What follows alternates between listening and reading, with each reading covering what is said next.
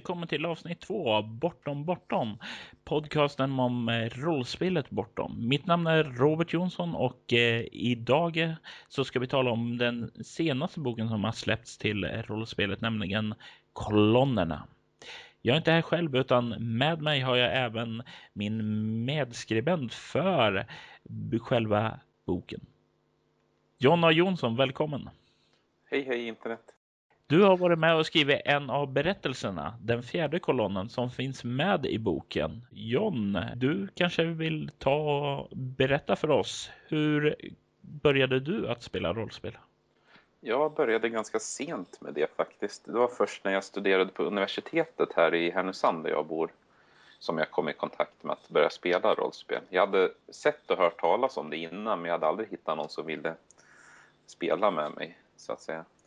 Så jag eh, träffade några kompisar i studentkåren här i stan som höll på med rollspel fick jag höra. Och under ett LAN som de hade i studentkårens lokaler så skulle de gå och spela rollspel och jag var nyfiken så jag fick följa med och sitta och titta på och lyssna när de körde. Efter det, så dagen efter, så frågade de om jag ville vara med och spela rollspel. Och jag sa ja och sen dess har det bara gått ut för och nu sitter jag här. Vad var det du spelade den första gången? Vilket var ditt första rollspel? Det var det gamla klassiska rollspelet Dungeons and Dragons Third Edition. Och eh, det är ju lite annorlunda än eh, bortom då. Så då får jag ju givetvis ställa dig frågan. Hur kom du ner i skräckrollspelsträsket? Det var ett jag tror det var ett eller två år efter jag hade börjat med att spela Dungeons and Dragons som via en bekant så stötte jag på rollspelet Call of Cthulhu. Och, eh, jag fick vara med och spela och det var kärlek vid första sanity-slag. Dessa sanity-slag alltså.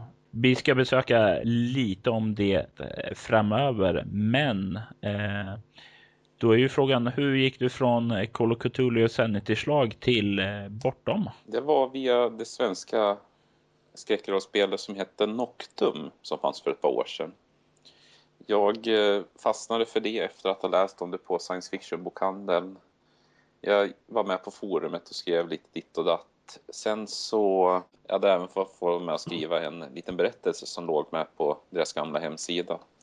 Och så var det på det forumet var det någon användare som länkade till en sida om ett spel som heter In the Dark.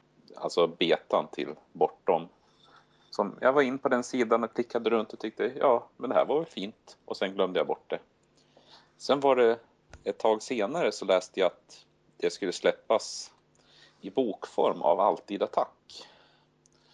Och återigen tänkte jag, ja men det var ju fint. Och sen glömde jag bort det igen. Sen läste jag också att Alltid Attack inte skulle ge ut och det var massa strul där så tänkte jag inte så mycket mer på det. Sen var det vid ett senare tillfälle var det en annan bekant som hade fått spelet Angard från Mindless Gamings i födelsedagspresent eller julklapp av sin sambo. Så jag var inne på Mindless Gamings hemsida och läste om det spelet. Och så hamnade jag på forumet och då läste jag om att Mindless Gaming skulle utge Bortom. Som In the Dark numera hette. Och jag tyckte väl okej, okay, det var ganska kul. I och med att eh, Noctum då mer eller mindre höll på att gå totalt ut för att bara försvinna så tänkte jag, men jag hör mig för om jag får vara med och leka lite med Bortom. Så fick jag frågan om, lite senare om jag ville åka till Gothcon och spelleda där. Och eh, berättelsen som du dök upp för att spelleda var ju den femte kolonnen som är en del av boken vi ska tala om lite senare. Eh, kan ställa en liten generell fråga. Eh, bortsett från eh, Bortom, vad eh, har du för favoritrollspel? Ja, jag vill ju helst inte välja i och med att jag gillar olika rollspel av olika anledningar. Men skulle jag under pistolhot eh, kastas ut på en öde ö och bara få välja ett endaste rollspel att ta med mig och det inte fick vara bortom. Då skulle jag nog välja Drakendemonet Trudvang varför faller valet på det? Just den spelvärlden och den stämningen som kan bli i spelet tycker jag är underbar. Med rätt spelare, med rätt förutsättningar för att skapa stämning och rätt eh, mindset så att säga.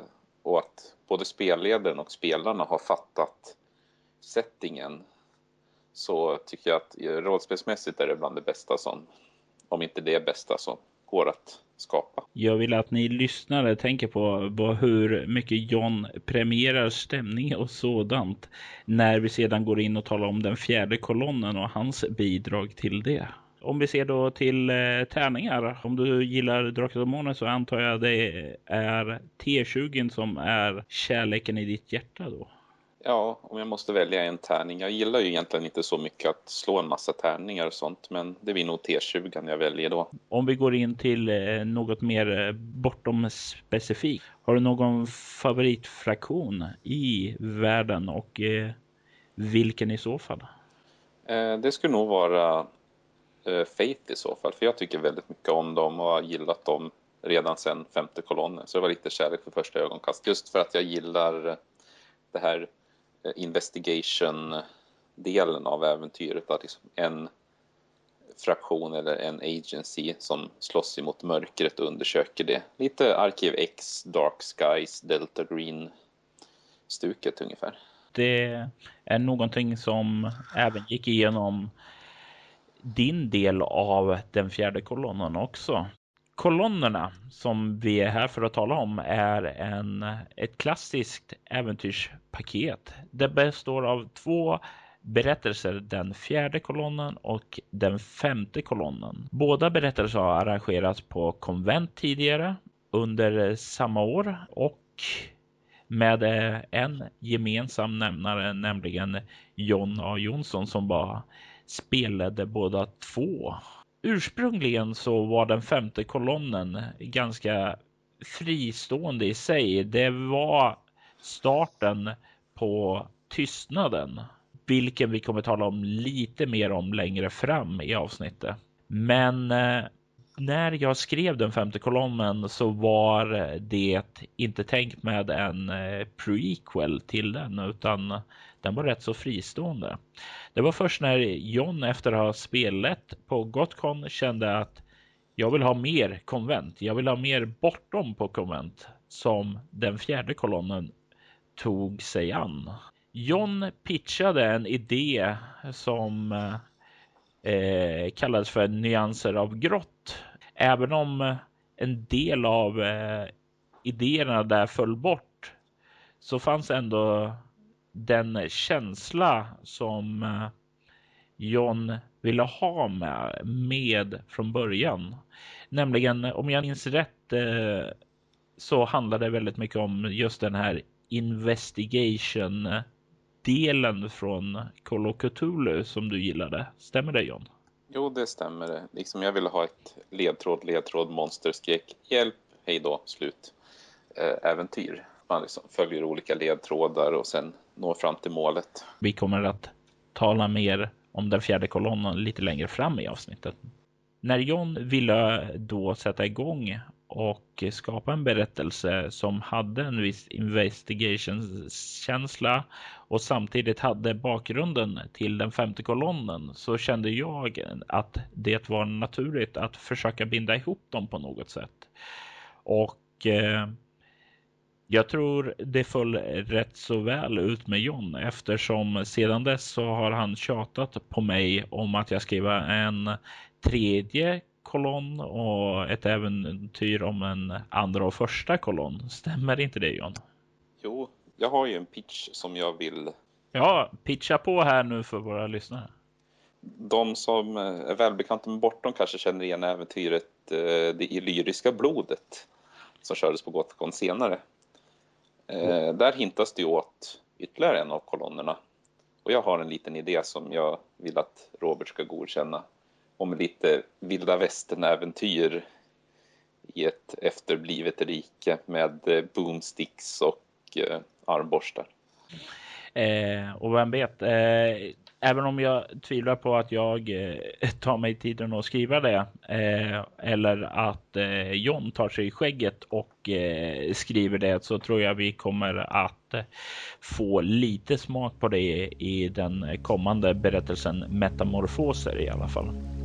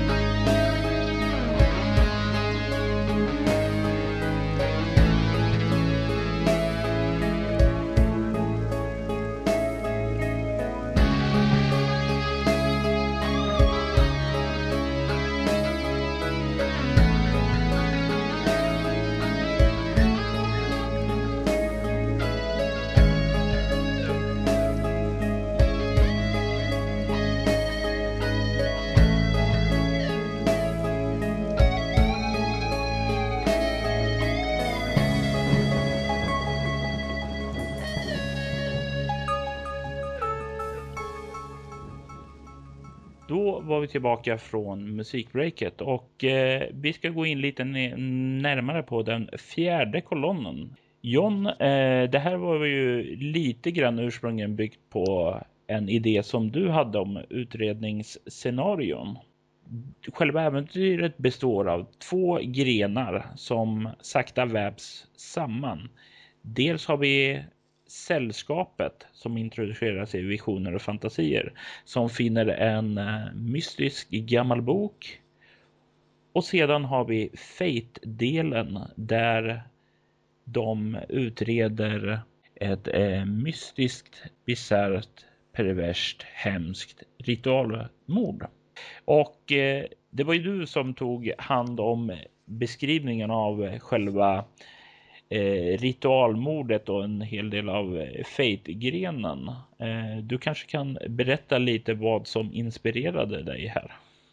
Eh, som sades tidigare så tyckte jag mycket om Call of Cthulhu och eh, just den här undersöka, följa ledtrådsupplägget på ett äventyr tycker jag väldigt mycket om. Att man hittar ledtrådar och följer dem vidare och så vidare. Ungefär som Kurt Weagle på Game Geeks beskrev Call of Cthulhu. Clue, clue, clue, monsters, monster, spell, eek, run. Så jag ville ha ett sånt äventyr till bortom. Och så ville jag ju pitcha in eh, staden Clarksville också. Så då tänkte jag men att ta en, ett sånt undersökaräventyr i Clarksville som början. Du eh, tog ju verkligen eh, fasta på det här och jag blev lite chockad, förvånad och förskräckt när jag fick dina beskrivningar av själva brottsplatsen. Ehm, hur eh, tog du dig att tackla en eh, sådan eh, hemsk scen egentligen? En del galenskap var nog grunden till det. Men jag tror jag gick in med det för att jag tänkte att jag ville göra ett ritualmord som var så pass bisarrt men ändå relaterbart till. Alltså att beskriva ett ritualmord som, ja ni går in i ett rum, det sitter ett huvud på en påle. Det tror jag inte är riktigt någonting som gemene människa, om man nu inte är från Örebro, kan relatera till. Så därför vill jag väl snarare lägga in eh, upplevelser, så här, känslor, dofter som Eh, man kan relatera till mitt i det här bisarra ritualmordet. Som till exempel doften av lakrits och rivmärken från en katt och liknande.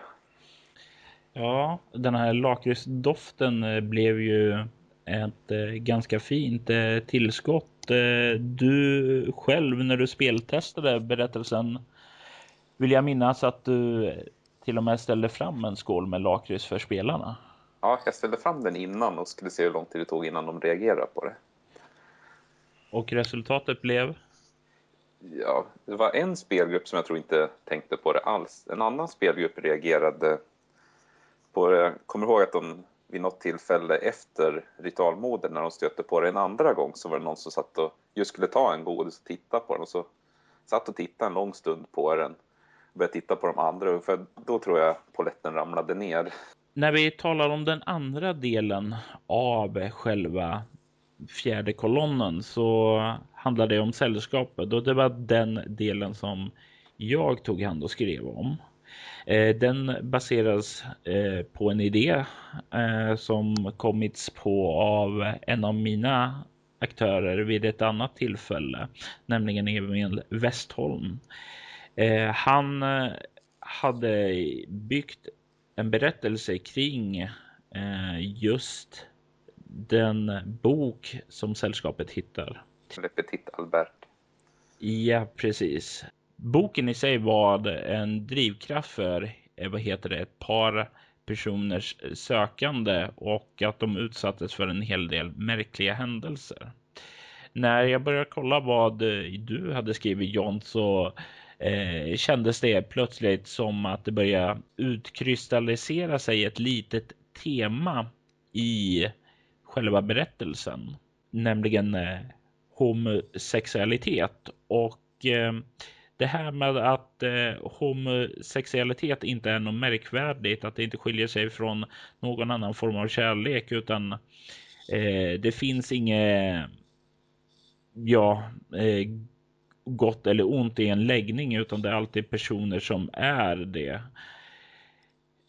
Ond eller god alltså. Eh, eh, var någonting som kändes som att eh, eftersom det fanns eh, så mycket olika sexuella teman med det här ritualmordet med personer som kom i kontakt med sällskapet och sådant så var det en sak att bygga vidare på och eh, att visa att homosexualitet är inget konstigt, det är inget ont, eh, det är helt naturligt. Och eh, John, det var du som eh, förankrade det här ytterligare genom att Eftersom det var ett konventsberättelse från början så följde det med färdiggjorda karaktärer. Och en av de här färdiggjorda karaktärerna var just homosexuell och befann sig i garderoben för tillfället. Och eh, John, du kanske vill eh, berätta lite om den här situationen, vad som fick dig och motiverade dig att eh, göra honom homosexuell och om det finns något mer att berätta om det just vid det här ritualmordet som hade ganska mycket sexuella undertoner. Den här, en annan bok som var med där var ju The Book of Pleasure som handlade just om sådant.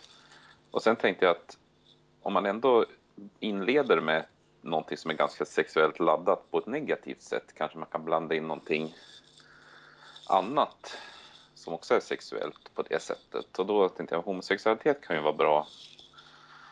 För det är ju någonting som hyfsat många kan relatera till. Återigen någonting man känner väl någon som är homosexuell om man inte är det själv eller liknande och så.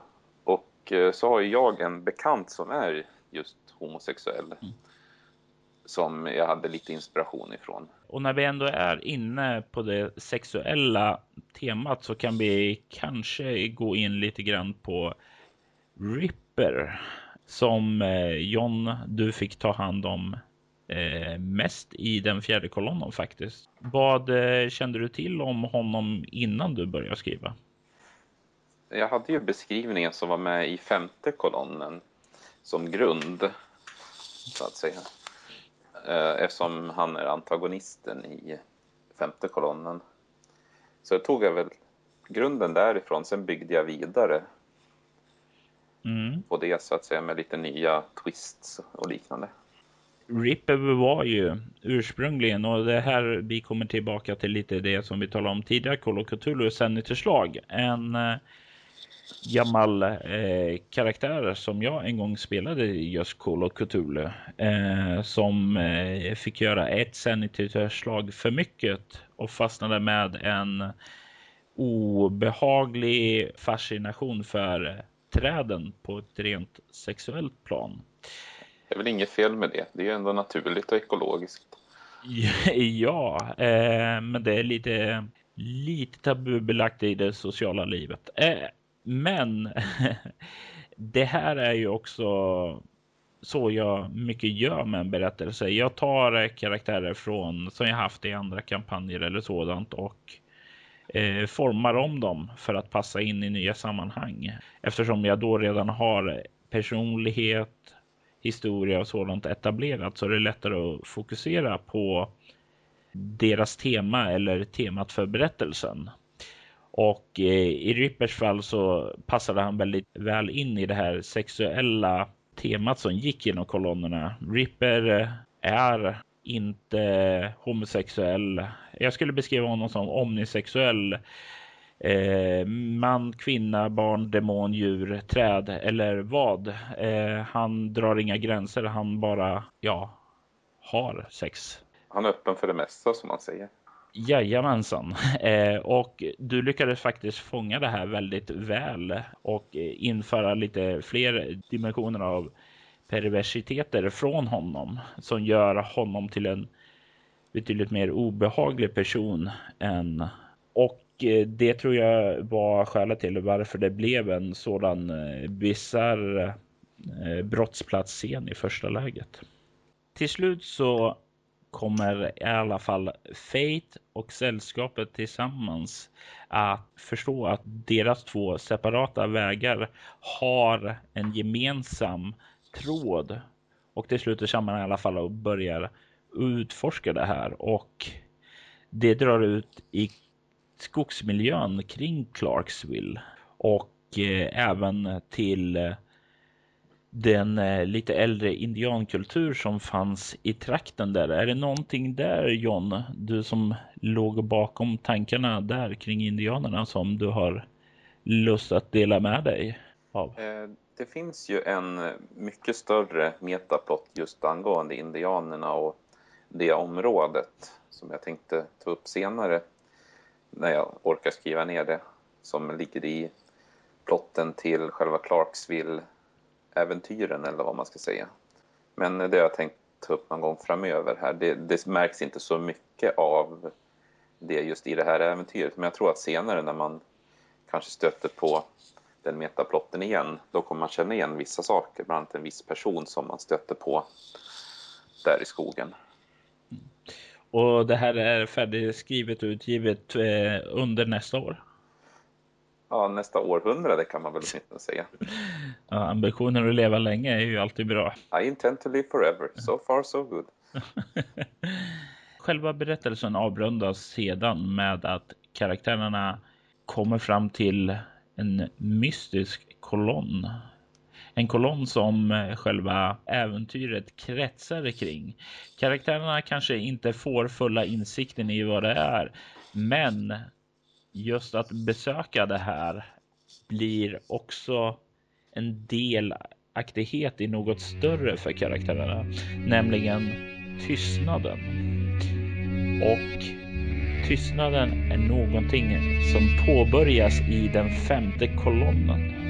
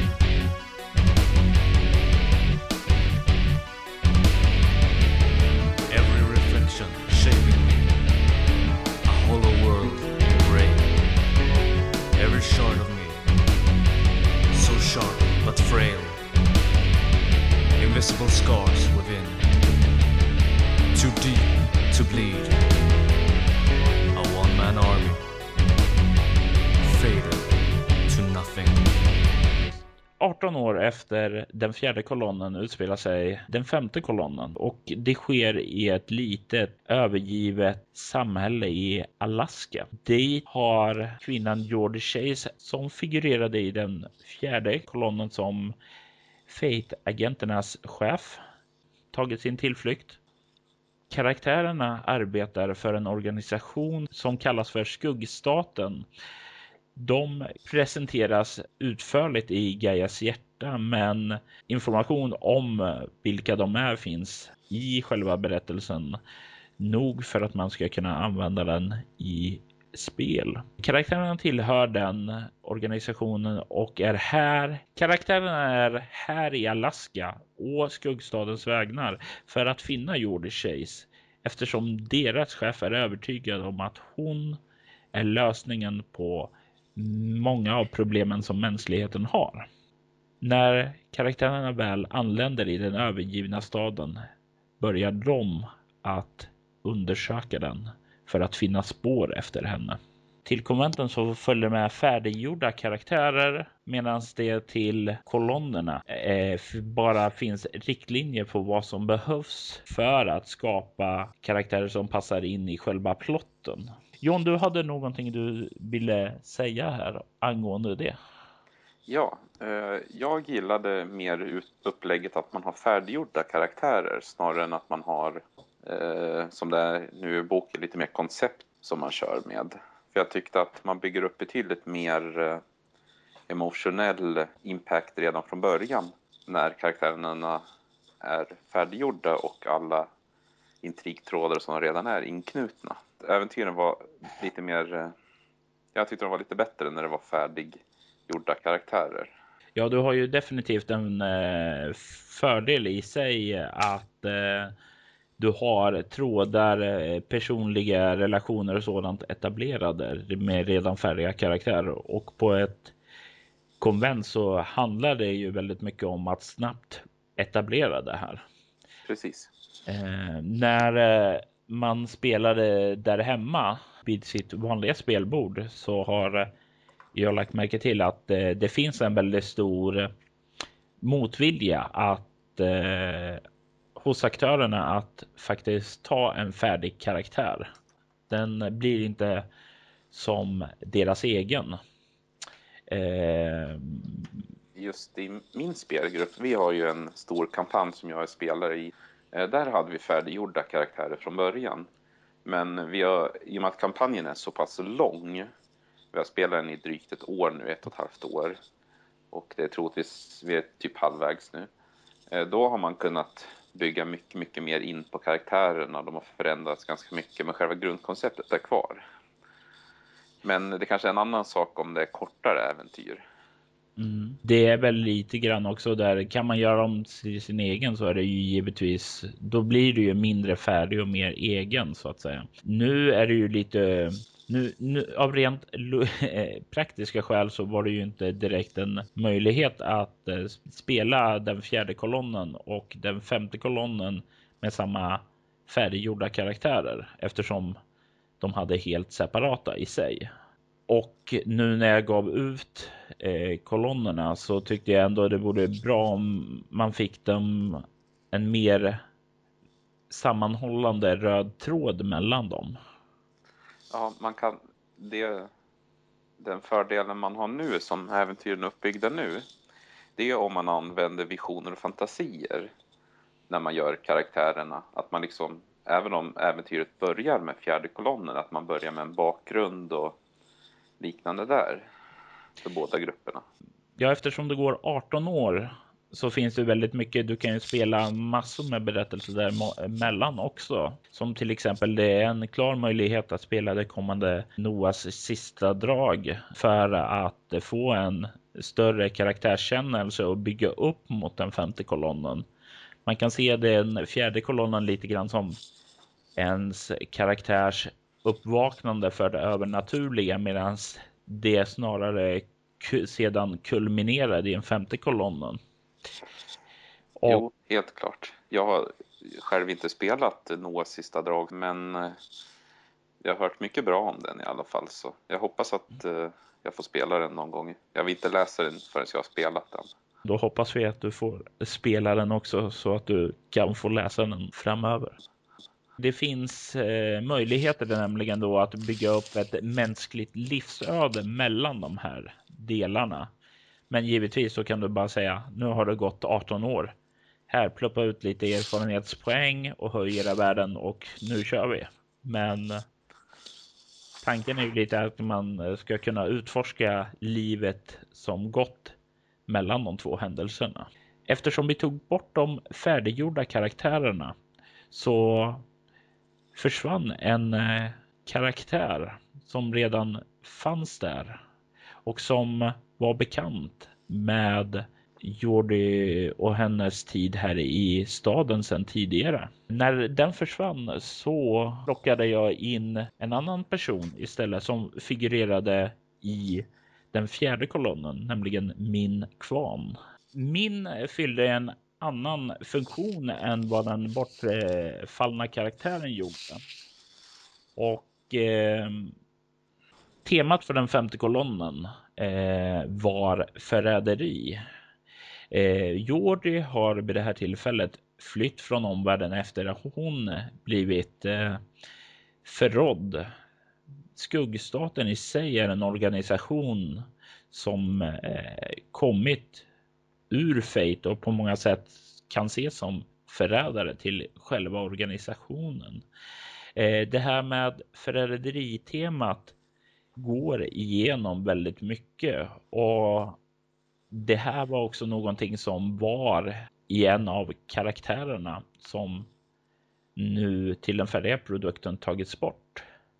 Och det är egentligen det som eh, jag, eh, det enda som jag egentligen saknade och som är den största förändringen i hela berättelsen är just att den färdiggjorda karaktären som eh, tagits bort fyllde vid en plats i berättelsen då man mötte Jordi upp en eh, funktion där det karaktärernas lojaliteter mot sin, sin chef, mot Jordi och mot sin kamrat de spelar med var tvungen att göra. Eh, ta ställning till förräderi på ett sätt som min inte kunde fylla utan jag fick skriva om väldigt mycket av scenen där. Precis. När, när jag har spelat har just den scenen varit väldigt stark med just förräderi och femte kolonner och så. Ett annat sekundärt tema som går igenom femte kolonnen är ju offer. Och så som scenen skrivs om så är det snarare offertemat som karaktärerna ställs inför. Tänk du om du istället har spelat med karaktärerna under en lite längre kampanj och utnyttjar de här 18 åren av downtime. Så då är det sällan man är lika sugen på att offra sin karaktär som i en konventsberättelse eftersom du då kanske max har haft tre, fyra timmar eh, bekantskap med den. Så scenen i sig funkar, men den får en ganska drastisk annorlunda betydelse där som intresserade kan eh, gå och jämföra för de gamla berättelserna finns fortfarande att ladda ner gratis från hemsidorna. Men John, som sagt var, du var inte delaktig i skrivandet av den femte kolonnen utan du upplevde den istället som spelledare. Eller berättare som vi kallar det i Bortom. Jo, det var ju det första Bortom-äventyr jag läste. Mm. Så. Vad har du för minnen av det? Eh, när du läste det första gången då? Jag kan säga att när jag läste det första gången så kan jag säga att jag inte riktigt fattade det så att säga. Själva plotten och alla twister och sånt gick inte in riktigt. Så jag tyckte, min, mitt första intryck var att det var ganska mediokert. Men sen så stod det igenom när jag spelledde det med första gruppen. För då fattade, då, då föll poletten ner. Då ringde det ringklockan, då blev mikron klar. Då förstod jag. Och då tyckte jag äventyret var riktigt, riktigt bra.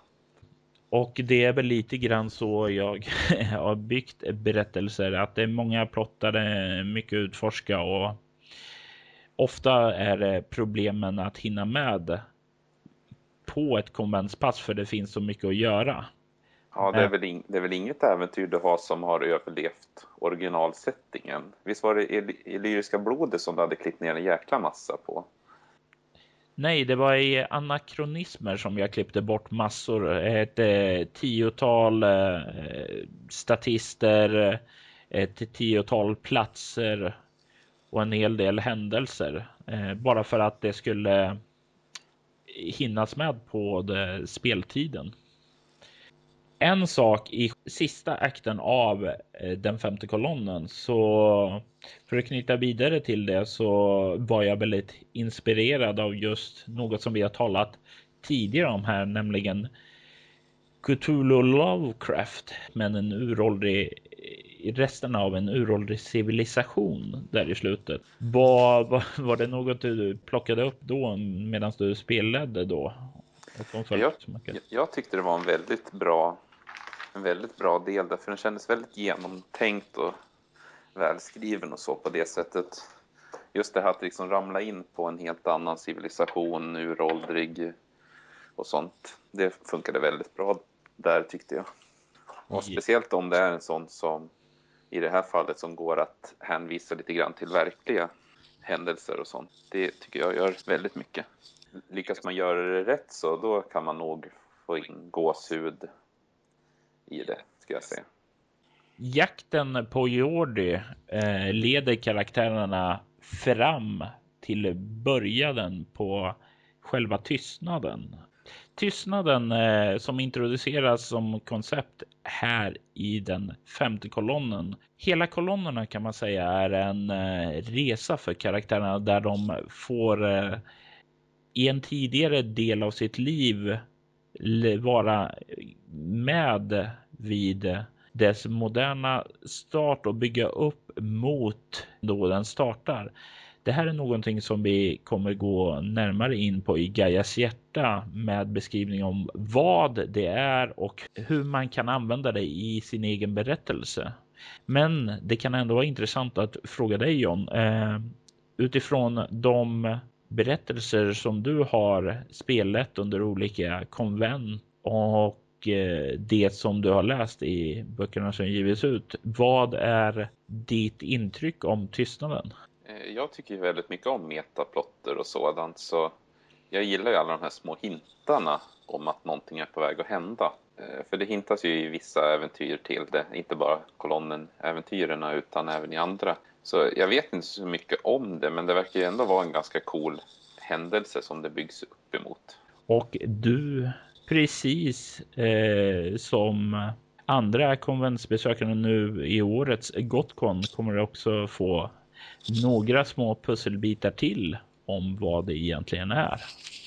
Eh, nu när avsnittet börjar närma sig sitt slut så kan det vara skoj att fråga om du kanske har något berättelsefrö att dela med dig av. Något som kanske relaterar till kolonnerna och hur man kan använda det för att bygga något extra av berättelserna. Ja, jag hade en jättebra idé som jag fick när jag läste eh, igenom den här boken i veckan här. Som jag tyckte var, det var en riktigt bra berättelseidé som jag tänkte använda. Dock så har jag glömt bort den. Så jag tog en annan här istället.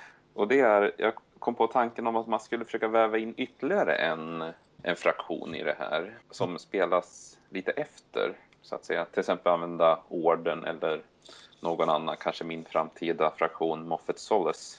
Att man spelar en organisation eller fraktion som följer efter karaktärerna. Som kommer till scenerna efter att karaktärerna har varit där. Att, att, att, man kanske på, av någon anledning jagar någon av karaktärerna men karaktärerna alltid ligger ett steg före. Att man, man kommer till brottsplatsen efter att karaktärerna har varit där, man, ja, liknande så. Är det någonting som du tänker att man eh, spelar först med den andra gruppen och sedan växlar till den tredje? Ja, precis. Eh. Att man bygger in en egen plott för den nya gruppen, men att den knyter in till det här så att man inte är med vid drabbningen och liknande. Man kommer dit efteråt och får se resterna och liknande samtidigt som man kanske har en annan person. Eller att man stöter på de SLP-er som finns med i berättelserna Faith Battle, The Ripper och så vidare fast man stöter på dem på andra tillfällen. Men liksom lite, lite kan man säga springer om karaktärerna. Man kanske stöter på en karaktär som huvudgruppen stöter på senare men man stöter på den före. Ja, när du stöter på den före och har en, redan en eh, bild av det så kan du bygga en djupare förståelse för situationen och sådant. En sak som jag tänker mig kan bli ett pro problem med ett sådant här upplägg är ju att eh, du hela tiden bara får uppleva vad som har hänt och ingenting nytt. Så det är min fråga.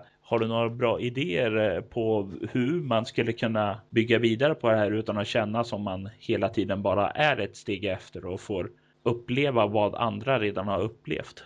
Ja, om man ser bara med fjärde kolonnen så kan man ju ta något litet sidospår som gäller med Soran och Billy, två statisterna som är med i början. Och så kanske att man senare stöter på eh, polisdetektiven där, James Tremley, Ja, vid ett annat tillfälle. Lite sådan, Liberty Queen finns ju där också, Faith Battle. en eh, sak i andra akten är ju att du har ju en eh, liten eh, freak eh, familj som lever ute i skogen som inte figurerar i själva berättelsen. Den skulle kunna spela en mycket större del i ett sånt här sidoäventyr. Och då är ju frågan om man vill bygga vidare på det, kanske bygga att eh, det finns någonting djupare där, att eh, de kanske är lite freaky för det pågår lite indian mumbo jumbo i trakterna. Det finns en kolonn i trakterna som har mystiska krafter och sådant. Precis, det skulle ju vara ett ganska bra koncept. Och eh, du skulle kunna utveckla det här väldigt annorlunda beroende på eh, vilken fraktion du har. Har du till exempel om eh, du vill köra på orden så har du ju ett typiskt uppdrag om att ja, du ska stoppa det onda som pågår där, att det finns något oheligt där som måste stoppas och då kan du göra forma det lite grann som ett typiskt supernatural avsnitt. Jaga det onda i trakten stuket. Ja, precis. Någonting sånt hade ju funkat väldigt bra. Mm. Och eh, du kanske vill dela med dig hur ett eh, uppdrag skulle kunna se ut för ett Moffett Sollas upplägg? För Moffett Sollas hade det ju kunnat vara... Jag tror snarare där att de hade nog varit ute och letat efter eventuellt den här boken. Alternativt någonting Ripper har med sig. Till exempel Ripper har ju antal olika intressanta grejer på sig. Så det skulle kunna vara att deras mål är att hitta Ripper och försöka stjäla någonting från honom. Och sen kanske ramla in på Jason och Ashlyn. Eh, Moffett Solace är en organisation som eh, bara hittills har hintats åt lite grann i eh, Bortom, men som kommer förhoppningsvis figurera lite mer framöver. Det är en organisation som handlar med vapen och liknande. Och de har även agenter som är ute och försöker nästla sig in i andra organisationer av olika anledningar. Vad det, gruppens egentliga syfte är, ingen som vet. Speciellt inte agenten och eventuella spelarpersoner. Men de har ett ganska brett kontaktnät med alla övriga organisationer. Och en av karaktärerna som kommer vara med i nästa Gothcon-äventyr kommer vara en Moffat Soldes agent. Så det kan vara någonting att hålla ögonen öppna inför. Mm. Och med nästa berättelse så menar John givetvis blod och pussel som ska bli årets Gotcon-berättelse. Och med det så blir det dags att börja avrunda det här avsnittet. Eh, men eh, innan vi gör det så kan vi säga att Bortom finns eh, på sin blogg bortom.nu men går även att finnas på Facebook om man söker på Bortom där. Eh, du kan även kontakta Bortom på Spela Bortom på Twitter eller på mejlen info bortom.nu. John, hur når man dig? Man kan kolla in på min eh, snart färdiga hemsida som är eakerstream.se. Där finns information och ett litet forum. Och vad är det för sorts hemsida? Eh, Det är tänkt att bli en hemsida där jag lägger upp de olika kampanjer och spel som jag har. Så att säga. Hittills har jag bara skelettet uppe, men jag har tänkt att lägga ut handouts till de äventyren jag gör. Eh, grovt förenklade plotter och liknande utifall någon annan vill använda dem. Ganska inspirerad av en hemsida som heter Kampanj av spelgruppen Nero, där de har lagt upp sina gamla kampanjer. Och eh, om man vill eh, mejla dig så kan man göra det på john.jonsson.bortom.nu. Japp, jag är singel. Bra, så alla som vill ha en kramgod rollspelare tar genast och mejlar på den adressen. Ja, Och- precis. och med det så avrundar vi avsnitt två av Bortom Bortom Hades. Ha det bra. Hej då.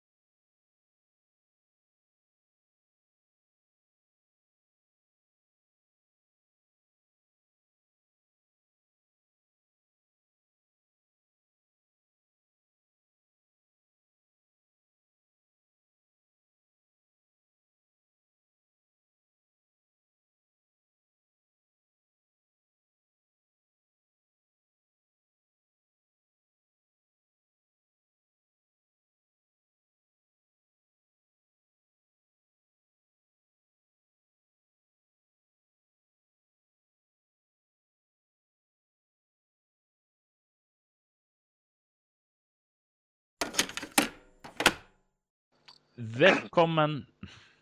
Förlåt. Vänta. Tre, två, ett. Välkommen. Ja. Okej, nu räknar jag ner. Okej. kör. Väl... För helvete. ah, jo, men Jag- GTA alltså. Jag, jag räknar in. Ja, Okej, kapisch. yes. 10, 9, 13, 17, 3, 2, 1. Och den här Lepitel... Le... Voulez-vous se hamewa ce choix? Exakt. Eftersom de färdiggjorda karaktärerna... Färdiggjorda? Ja, nu hittar jag på ordet här också. Precis. Det här är Eh. spännande det. Ja, precis. Eh, Eftersom de färdiggjorda karaktärerna försvann eh, så skedde det. Sa jag det igen? Ja, sluta. Använd åtminstone riktiga ord. Det blir lättare för dig att förstå då. Färdiggjorda. Repetera. Jag säger färdiga karaktärer. Ja, Bra. Professionaliteten slår i taket. Eh, Ja, vänta. Ja. Au! Nästan roliga var förra helgen när vi hade rollspelshelg. Vi spelade ett kort Trudvang-äventyr. Och eh, vi var fyra spelare eh, som gjorde karaktärer. En var ledare och tre var så här henchmen. Dock så blev han som skulle spela ledare magsjuk så han kom inte med. Så vi var typ tre henchmen där ingen hade initiativförmåga. Så det var liksom, ja det här händer. Mm, ja. Ska vi göra någonting? Ja. I och för sig, Andreas hade igår när vi satt och pratade, han tyckte man ska göra en spin-off på Borta som heter Borta. Som utgår från att man tappar bort sig och ska hitta hem. det skulle kunna vara ett äventyr. Borta. Bortom, bortom, bortom, bortom, bortom utanför.